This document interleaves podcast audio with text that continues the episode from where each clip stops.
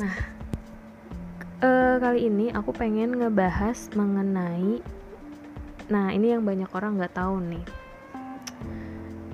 Mungkin beberapa orang tahu tapi nggak akan ngasih tahu ke kamu tentang ini gitu.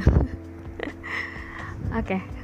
Yang kita bakal ngebahas ada yang namanya zat penghambat di dalam ASI. Please sekarang udah tahu ilmunya.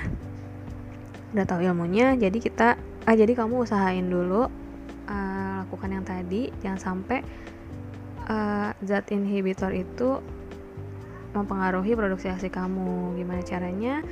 Uh, konten ini tuh eh uh, topik ini tuh yang zat inhibitor ini tuh biasanya ada di kelas berbayar ya kan?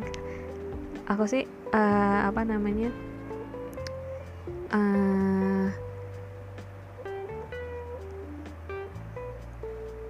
Nah, tapi kita kali ini kita bahas aja karena ini penting sebenarnya topik ini tuh penting. Penting tapi jarang banyak orang yang tahu dan salah paham.